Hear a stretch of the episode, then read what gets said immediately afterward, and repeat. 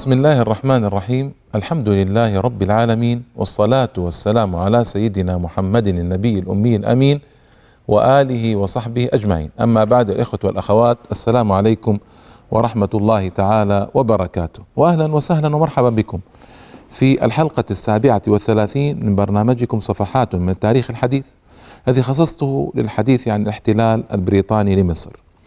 وكنت تحدثت الحلقة الماضية عن حرب إنجلترا أو حرب الإنجليز عموما وبريطانيين على الإسلام في مصر. واليوم أو في هذه الحلقة سأتحدث إن شاء الله تعالى عن قضية مهمة وهي التنصير في مصر.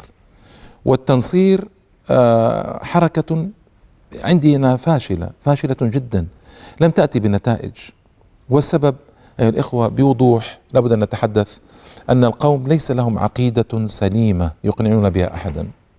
ما يمكن. عقيدة مليئة بالخرافات بالضلال. ما يستطيعون يقنعوا بها احدا هذه العقيدة. فيها تعقيد وفيها مخالفة للمنطق وفيها مخالفة للعقليات كلها. ولا يمكن أن يقبلها رجل متعلم عاقل. لكن كالعادة يتجئون إلى وسائل في التنصير من تطبيب من تعليم من أمور اجتماعية من اخره وهذا سآتي عليها إن شاء الله تعالى حتى يغروا الضعاف والفقراء والمساكين بالقبول بما يريدونه من نشر النصرانية من اكتساب هذه النصرانية من أجل لقمة العيش. وكثير منهم يتظاهر بانتساب إلى النصرانية ويبقى على دينه الإسلامي. أنا ما أقلل من خطورة التنصير هو خطر وخطر كبير. وموجود في قارات العالم. وهنالك مئات الآلاف يخدمونه موظفين ومئات الآلاف يخدمونه متطوعين. فالمسألة اذا واضحة وقوية ونحن بحاجة إلى وضع برنامج ضد هذا هذه الفوضى القائمة من ذلك التاريخ بل قبله بكثير إلى يوم الناس هذا وستستمر القضية. ما دام المسلمون ضعافا لا يستطيعون الوقوف أمامهم. لكن انظر لهذا الدين وحيويته ينتشر بدون بدون في كثير من الأحيان بدون أن يكلم ال يكلم ال هذا الرجل رجل ما دخل في الإسلام أو امرأة ما دخلت في الإسلام بدون أن يكلمها أحد أو يكلمه أحد يدخلون يدخلان في الإسلام عن طريق قراءة كتاب قراءة القرآن كذا. لكن من في من من المسلمين يدخل إلى النصرانية إلا بسيف الترهيب والترغيب وهذا أمر معلوم. والشواهد كثيرة ما أريد أدخل فيها الآن. التاريخ طويل بيننا وبينهم. انظروا البلاد العربية بفضل الله تعالى التي دخلت في الإسلام. مصر والعراق والشام والمغرب العربي الكبير كله. كيف دخل يعني هل أريقت نقطة دم واحدة بعد أن دخل المسلمون وفتحوا البلاد؟ هل أجبروا أحدا من الناس أن يسلم؟ أبدا. في مصر التي نتحدث عنها الآن اسمعوا هذا النص التاريخي العجيب. يقول المؤرخون ما إن انقضت ما إن انقضى القرن الأول من الهجرة إلا وتحول غالب أهل مصر إلى الإسلام. بدون ضجة بدون استغلال لحاجات الناس والتطبيب والتعليم وأبدا أبدا. كيف تحول هؤلاء؟ يعني الإسلام دخل مصر في السنة الحادية والعشرين واستقر في السنة الخامسة والعشرين. يعني بقي على نهاية القرن خمس وسبعون سنة. في خمس وسبعين سنة كان عدد العرب الذين فتحوا مصر أربعة عشر ألفا بقيادة عمرو رضي الله تعالى عنه ابن العاص. وعدد الذين هاجروا وخرجوا من الجزيرة العربية إلى مصر خمسة عشر ألفا. فهذه تسعة وعشرون ألفا. على فرض أنه لم يعد منهم أحد وهذا فرض بعيد لكن نقول لم يعد أحد منهم. كم كان سكان مصر آنذاك؟ كانوا ثلاثمائة ألف. فالعرب كانوا يمثلون تسعة بالمئة من سكان مصر. كيف تحول تسعة بالمئة هذه إلى أغلبية في نهاية القرن؟ عن طريق القوة والإكراه عن طريق السيف كما يدعي هؤلاء المستشرقون الظلمة أبدا. ولا في رواية واحدة ولا رواية صحيحة ولا ضعيفة ولا مكذوبة لا في تاريخنا ولا في تاريخهم ولا في تاريخ الغربي يعني مغربيين مؤرخين أن الإسلام أو أن المسلمين أجبروا المصريين على الدخول في الإسلام. أبدا. تحول المصريون تحولا تاريخيا رائعا إلى الإسلام وقبلوه وصارت أغلبية شعب مصر مسلمة بعد 75 سنة. طيب الإنجليز دخلوا مصر ومكثوا 72 سنة. من الذي تنصر من المصريين؟ قلائل جدا لا يكادون يذكرون. تنصروا الناس لكن كانوا قليلين جدا. انظروا الفارق. الإسلام هذا يدلك بوضوح فقط هذا على الإسلام دين الله وما عداه محرف باطل. هذا فقط يدلك هذا يعني ما يحتاج إلى كلام طويل ولا إلى كلام كثير. والعجيب أن النصارى في مصر الذين لم يقبلوا الإسلام دينا في القرن الأول قبلوا الإسلام حضارة وثقافة. فأين لغة الأقباط اليوم؟ المصريون الأقباط اليوم يتحدثون باللغة العربية. ارتضوا الإسلام لغة وثقافة وحضارة ولو لم يرتضوه دينا. فتحول تاريخي رائع جدا وهو بمجرده يدل على أن هذا الدين هو الدين الحق. نعم. التنصير في مصر في الحقيقة آه، اللورد بلفور بلفور هذا رجل خطير. كان وزير خارجية البريطانية وهو صاحب الوعد الشهير. وعد من لا يملك لمن لا يستحق. إن جلالة الملكة تنظر بعين العطف لإعطاء وطن قومي اليهود في فلسطين. وجاءت الملكة آنذاك في آه، نوفمبر 1917 ما كانوا يملكون فلسطين بعد. ما كانوا دخلوا فلسطين البريطانيون ما دخلوا بعد. وعد من لا يملك أي البريطانيون. لمن لا يستحق وهم اليهود. وهم مجموعة من المهاجرين جاءوا آه، بالرشاوى وكذا وبقوا في فلسطين. فهو صاحب هذا الوعد المشهور ويقولون عنه إنه تربى في المدارس البروتستانتية المتعصبة الإنجيلية وكان اسمعوا وكان أكثر صهيونية من هرتزل. هذا بلفور هرتزل هرتزل الذي جمع اليهود في مؤتمر بال ومناهم ووعدهم ودخل على عبد الحميد وفعل أفاعيل من أجل اليهود بلفور وزير خارجية بريطانيا كان أكثر صهيونية من هرتزل. حتى نفهم التاريخ نفهم ونعرف كيف الأمور تدار وتساس في العالم ونحن غافلون. بلفور وزير خارجية بريطانيا قال هذا الكلام. اسمعوا ماذا قال.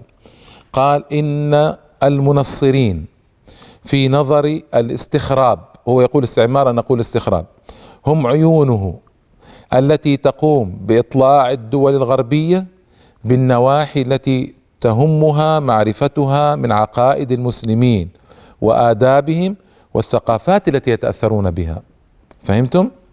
إذا منصرون هؤلاء لهم أغراض أخرى غير التي يتظاهرون بها فقط ينشرون الدين وكذا وهذه مهمة مهمة أيضا من مهماتهم لكن هناك مهمة أخرى وأن يكونوا طلائع للغزو والاحتلال للدول العربية والإسلامية. هذا أمر معلوم من شأنهم وكثير وفي كلام طويل ما عندي وقت أن أورده الآن وليس هو من غرضي في هذه الحلقات.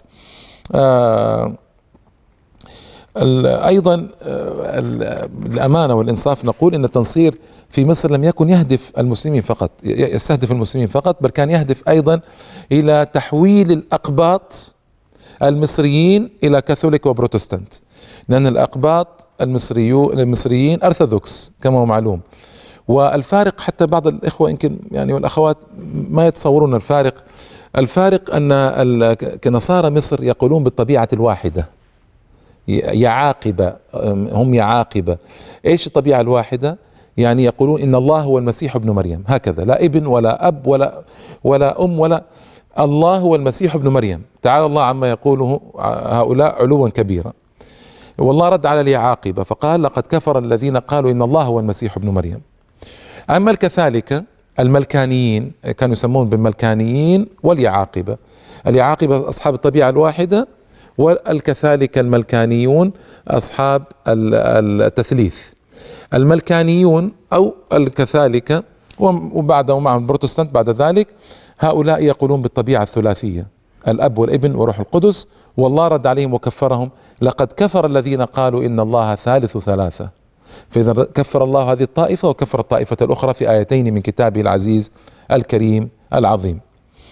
وأما البروتستانت فهم يعني متأخرون جاءوا في القرن العاشر الهجري السادس عشر الميلادي وانفصلوا عن الكنيسة الكاثوليكية لأسباب تاريخية وموضوعية وعقدية أيضا ليس الوقت لإيرادها لكن كان لهم قوة في بريطانيا وقوة في أمريكا وهاجروا اليهود معهم إلى أمريكا.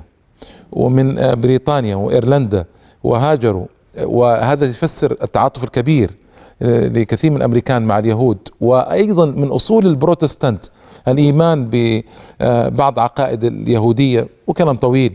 يعني لكن هناك إرساليات جاءت مصر أرسلت يعني إلى مصر. ال missionaries هذا يسمى بالإنجليزي. آه، هذه الارساليات كانت تنظر إلى كرومر في مصر على أنه حامي حمى النصرانية وأنه يجب أن يكون شديدا قويا في نشر النصرانية في مصر. ويجب عليه لا يتردد في ذلك كان يرونه متخاذلا وضعيفا في نشر النصرانية وإجبار المسلمين على التنصير ما دام الأمر بأيدي البريطانيين. لكن كرومر ينظر لابعد من ذلك. كرومر رجل سياسي داهية وينظر إلى أن الأمر ما يمكن. المسلمون إذا حصروا في زاوية يثورون وإذا ثاروا ليس مصلحة بريطانيا. لكن كان يسمح طبعا يسمح بقوة الاحتلال يسمح هذه الرساليات وتتمدد وتفعل ما تشاء وتسن لها من القوانين ما شاءت ومهمة الحكومة المصرية كالعادة هي البصم فقط أو التوقيع على القرارات هذه. أنا لا تملك شيئا مغلوبة حكومة مغلوبة تحت الاحتلال الإنجليزي. ف كرومر داهية ويعرف ماذا يريد وهؤلاء طبعا عندهم تعصب ديني وتحمس ديني. أهم الإرساليات آه، هناك إرساليات كاثوليكية كاثوليكية. آه، وطبعا آه، كانوا يحاولون مع الأقباط في مصر أن يحولوهم إلى كاثوليك ونجحوا قليلا لكن ما ليس لم يكن نجاحا كبيرا وانتشرت هذه الهيئات في مصر. كان هناك إرساليات بروتستانتية تقوم عليها أمريكا طبعا في الأغلب و...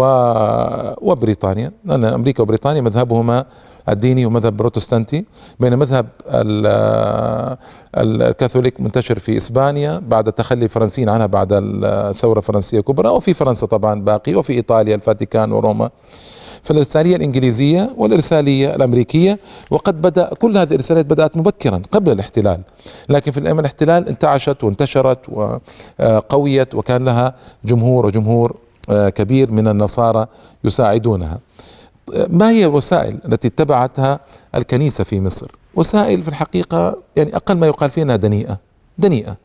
يعني وسائل هؤلاء الغربيين في مصر لتنصير المسلمين وتحويل الأقباط إلى كاثوليك كانت وسائل دنيئة ودنيئة جدا. قائمة على الاستغلال. الاستغلال الحاجات. وإلى اليوم هذا الذي هو قائم.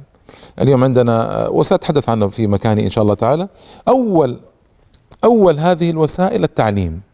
التعليم ثانيها التطبيب التطبيب. ثالثها العمل الاجتماعي من إنشاء ملاجئ وإنشاء أندية وإنشاء آه، كذا. رابعا نشر الثقافة. عن طريق طبع الكتب إلى آخره. آه، خامسا التأثير في الأعيان ودعوتهم. وسائل كثيرة سأتي عليها بعد الفاصل بالتفصيل. إن شاء الله تعالى فابقوا معنا. السلام عليكم مرة أخرى. بعد الفاصل الإخوة والأخوات الوسائل التي اتبعها المنصرون في مصر وسائل كثيرة على رأسها التعليم والتعليم الوسيلة الأولى والخطيرة وحجر الزاوية.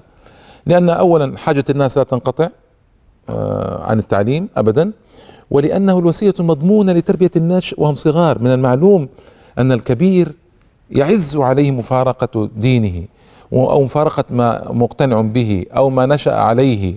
ما يمكن. لكن الصغار هم الذين آه، مستعدون فطريا و آه، عقليا وجسديا كما يقال عندهم الحيوية عندهم القدرة عندهم القوة على استقبال التغيير والعمل به. لذلك كان التعليم عند النصارى في مصر آه، الرساليات هذه النصرانية في مصر حجر الزاوية في قضية التنصير وأهم شيء. اسمع ماذا قالت المنصرة أنا ميليجان. قالت إن المدارس أقوى قوة لجعل الناشئين تحت تأثير التعليم النصراني. وهذا التأثير يستمر حتى يشمل أولئك الذين سيصبحون يوما قادة أوطانهم. أرجو أيها الإخوة والأخوات عندما تسمعون مثل هذا الكلام تفكروا فيه طويلا ومليا. كلام خطير وخطير جدا. اسمعوا. إن المدارس أقوى قوة لجعل الناشئين تحت تأثير التعليم النصراني. وهذا التأثير يستمر حتى يشمل أولئك الذين سيصبحون يوما قادة لأوطانهم. كلام واضح كل الوضوح. وهناك منصر آخر اسمه هنري جسب يقول إن التعليم إنما هو واسطة إلى غاية في الإرساليات التنصيرية. يعني هو فقط مرحلة. ما هي الغاية إذن؟ الغاية هي قيادة الناس إلى المسيح وتعليمهم حتى يصبحوا أفرادا مسيحيين وشعوبا مسيحية. هكذا بكل صراحة ووضوح وقوة في الطرح. آه لذلك لما كان هذا هو الغرض كان الإنجيل مادة رئيسية في آه هذه المدارس. انظروا يا من آه تحاربون التعليم الديني وتحاربون المدارس الإسلامية وتقولون هذه تعصب. وإيش يعني مدارس إسلامية وهذا تعصب؟ اسمعوا ماذا يعمل هؤلاء المدارس التنصيرية. يدرسون الإنجيل مادة رئيسة وأكثر المدارس هذه مسلمون ملتحقون بها. فيدرسونه مادة رئيسة وأيضا يفتحون التعليم المجاني للأطفال. وأنا قلت لكم في حلقة سابقة في إفساد حلقة اسمها إفساد التعليم في مصر أن الدنلب وهو قس قسيس وضع آه، سياسة خبيثة جدا وهي عدم مجانية التعليم. التعليم يكون بالمال بالدفع. لماذا؟ حتى يتمكنوا من الفقراء لأسباب كثيرة وذكرتها في الحلقة الماضية لكن في هذه الحلقة أقول ليجتذبوا الفقراء يعلموهم مجانا تعليما نصرانيا في هذه المدارس. فجعلوا التعليم آه، لمن اللي هو فقير من الطلاب جعلوه مجانيا. و تنافست طبعا المدارس فيما بين تنافسا كبيرا جدا لتحتوي طلاب المسلمين. هذه إرسالية أمريكية هذه إرسالية إنجليزية هذه إرسالية كاثوليكية هذه آه، منافسات كبيرة. حتى بلغت الإرساليات في مصر في أقل من قرن 23 إرسالية. وهذا عدد كبير وكبير جدا. إرسالية هي جيش. جيش يأتي إلى البلد. وفي هذه المدارس يجبر الطلاب في الصباح على أن يؤدوا الطقوس الكنسية وأن يرتلوا التراتيل الكنسية وأن يؤدوا امتحانات في الإنجيل وفي تعاليم الكنيسة ومن لم ينجح يرسب ويخرج خارج المدرسة ويطرد. خطة خطة آه، قوية عملوها في هذه القضية. أيضا تعليم البنات أولوه عناية بالغة وجعلوا له سكنا داخليا. البنات الفقيرات اللواتي لا يملكن سكنا أو كانت المسكن المدرسة بعيدة عنهن ها فيأتين إلى المدرسة في سكن الداخلي وهنالك يتم السيطرة عليهن سيطرة عجيبة وقد أوردت بعض التقارير أسماء بعض المصريات اللواتي نصرن. أنا ما أريد أن أذكر الأسماء لكن أنا قلت لكم بداية الحلقة أعداد قليلة التي قبلت هذه الفوضى. أعداد قليلة وقليلة جدا قبلت التنصير بفضل الله تعالى لكن أنا أتحدث عن الخطوات لنرى كيف المؤامرات وكيف الكيد.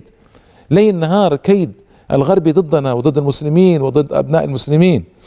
اسمعوا ماذا تقول آه، المنصرة أنا ميري جان وذكرت لكم آنفا نصا من نصوصها تقول كلاما في غاية الخطورة وفي غاية الوضوح للمغفلين آه، أو المستغفلين أو ضعاف العقول أو ضعاف التفكير. إنا لله إنا إليه راجعون.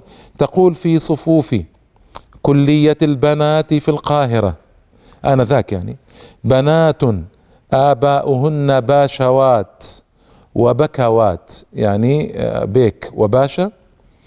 وليس ثمة مكان آخر يمكن أن يجتمع فيه مثل هذا العدد من البنات المسلمات تحت النفوذ النصراني.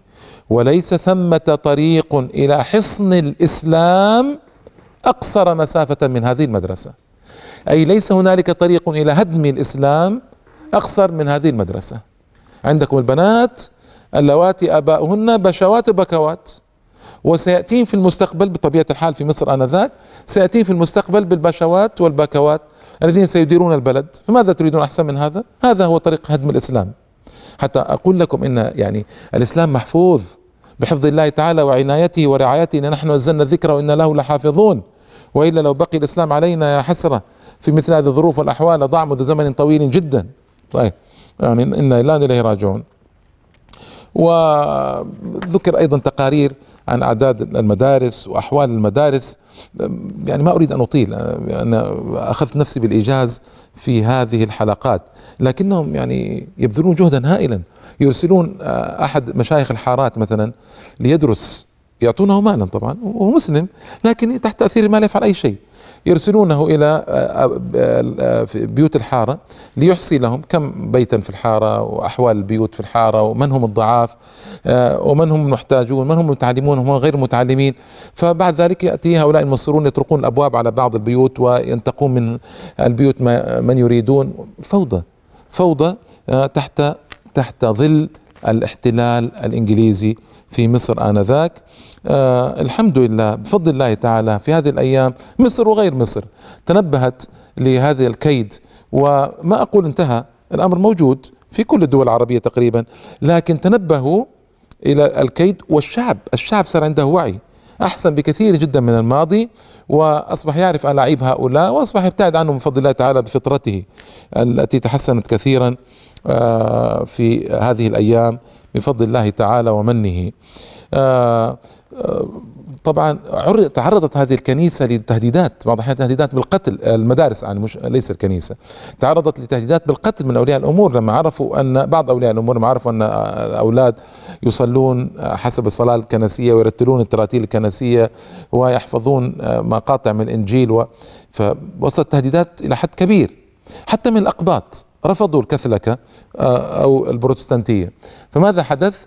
هذه المدارس وضعت لائحة وطلبت فيها من أولياء الأمور أن يوقعوا من أراد أن يأتي بابنه يوقع. أنه ليس عنده مانع أن يدرس آه، بحسب الطريقة الإرسالية التنصيرية وأن يقرأ الإنجيل وكذا. وكان بعض أكثر الآباء يوقعون طبعا ما يعني عندهم الاهتمام بالتعليم ولو كان حساب عقيدة الابن أو حساب تفكيري. إما آه، غفلة وقلة وعي أو عدم اكتراث ولا مبالاة كحال أكثر المسلمين. و المدارس طبعا مليئة بوسائل عجيبة منها مثلا مليئة بتماثيل حجرية لعيسى وأمه آه، ويأتون الطلاب يعني إلى هذه التماثيل ويخضعون أمامها وكذا. أيضا في شرح الدروس الدروس العربية يأتون بمدرس نصراني ليدرس العربية. وحسبك أن يكون مدرس نصرانيا يدرس العربية. فيقول لهم مثلا اعربوا الناس هلك إلا المسيحيين المسيحيين. إيش إعراب المسيحيين؟ طبعا هذا مستثنى آه وكذا منصوب لكن في النهاية ما هو الإعراب؟ لا ما هو هذا المراد؟ المراد ما هي جملة هذه؟ ما هي الجملة هذه؟ المسيح ابن الله. تعالى الله عما يقولون. اعرب هذه الجملة. الذي يبقى في ذهن الطفل هو جملة وليس الإعراب. هذا هذا الخطير هذا الخطير جدا في الموضوع والذي لا يتنبه له أكثر المسلمين للأسف الشديد. آه إذا المدرسون آه غير مسلمين حتى في اللغة العربية. اليوم الدراسي يبدأ بتراتيل كنسية وكذا. آه، بالنسبة للداخلي للقسم الداخلي عنابر النوم يشرف عليها قسس ورهبان وراهبات في قسم النساء. يعني احتواء كامل. للطلاب والطالبات على شكل عجيب في هذه المدارس. وطبعا يسود الجو الترويحي الحفلات آه، تسود في هذه المدارس لأنهم يريدون جذب الطلاب والطالبات. ومدارس نظيفة ونموذجية بالنسبة للمدارس المصرية الحكومية. مدارس طبعا تعيسة ومتع يعني ليست قوية وضعيفة ومتهالكة. في ذلك الزمان آه، أيضا آه، صعب جدا. وسائل العقاب عندما يخطئ الطالب ماذا يفعلون به؟ يكلفونه من يحفظ نصوصا من إنجيل يكلفونه بأن آه، يقرأ آه، نصوصا من بعض الكتب الدينية. الجوائز هي عبارة عن كتب فاخرة جدا آه، مغلفة تغليفا فاخرا هي كتب دينية أو الإنجيل إلى آخره. انظروا ماذا يصنعون وكيف يجتهدون ويعملون. أنا أريد أن أسأل الإخوة والأخوات السامعين لي الآن ماذا قدمتم أنتم لدينكم؟ اسمعوا هم ماذا قدموا؟ سمعتم. مجال التعليم الآن. عندنا باقي الطب وباقي أشياء أخرى سآتي عليها إن شاء الله تعالى. لكن هم الآن قدموا هذا لدينهم وتفانوا في خدمة دينهم. وكان بعضهم يمكث في مصر ولا يرجع إلى بلاده. يمكث إلى أن يموت. طيب نحن ماذا صنعنا لديننا؟ ماذا عملنا لهذا الدين؟ ماذا قدمنا لهذا الدين؟ هل اكتفينا بالله عليكم بالأكل والشرب والنوم والوظائف والفلوس ونضع الأموال في جيوبنا ونبني البيوت ونشتري السيارات. ونتزوج النساء و و ولا شيء بعد ذلك. ديننا الذي يستصرخنا اليوم وينادي في مشارق الأرض ومغاربها يطلب منا أن نساعده. اخواننا في فلسطين تحت الحصار وتحت حكم إخوان القردة والخنازير اخس أهل الأرض. والعراق وما وإخواننا يعانون من حكم الصليبي. والشيشان وإخواننا يعانون من الحكم الروسي. والكشمير وإخواننا يعانون من الهنادكة عباد البقر. والفلبين يعانون من الصليبيين فيها. وجنوب الفلبين وفطاني يعانون من البوذيين في تايلاند. طيب ماذا صنعنا نحن؟ ماذا صنعنا لهؤلاء؟ هؤلاء يشتغلون لدينهم وباطلهم ونحن نعلم أن دينهم باطل. والله أنبأنا بذلك في كتابه الذي لا يأتيه الباطل من بين يديه ولا من خلفه تنزيل من حكيم حميد. أخبرنا أن دين هؤلاء باطل وأنهم كفار وأنهم لن يدخلوا الجنة أبدا وأنهم خالدون في النار. ومع ذلك انظروا ماذا يقدمون لباطلهم ونحن الذين على الحق بل على الحق الوحيد كما قال الله تعالى ومن يبتغي غير الإسلام دينا فلن يقبل منه وهو في الآخرة من الخاسرين. ماذا قدمنا لإسلامنا وديننا يا إخوة؟ أرجو أن نكون صرحاء. يعني هذه قضية خطيرة. مجلة المجتمع في مرة يعني عملت عملا عجيبا جدا. ذهبت إلى الصومال في وقت الأزمة الشديدة 1404 و5 و6 تذكرون بالنسبة لمن ضيع التاريخ الهجري 84 85 86 ميلادي. آه، آه، ذهبت إلى مخيم من المخيمات ووجدت امرأة في العشرينات من عمرها. دخلت المخيم وتحمل والصوماليون راقدون في المخيم تنظرون الموت تحمل فضلاتهم بأيديها وتخرجها. تغسلهم من بولهم وغائطهم. تعتني بهم. يقولون لها لماذا تصنعين ذلك؟ قال قال قالت آه، خدمة للمسيح. من منذ متى أنت هنا؟ قالت منذ عدة سنوات وإلى متى تبقين قالت لن أغادر هذه البلاد. امرأة في العشرينات من عمرها بيضاء أوروبية تفعل هذا الفعل وتصنع هذا الصنيع. نحن ماذا قدمنا؟ آه، هنالك يعني آه، نواحي أخرى كثيرة في قضايا عديدة. سآتي عليها إن شاء الله تعالى في الحلقة القادمة. إلى اللقاء والسلام عليكم ورحمة الله وبركاته.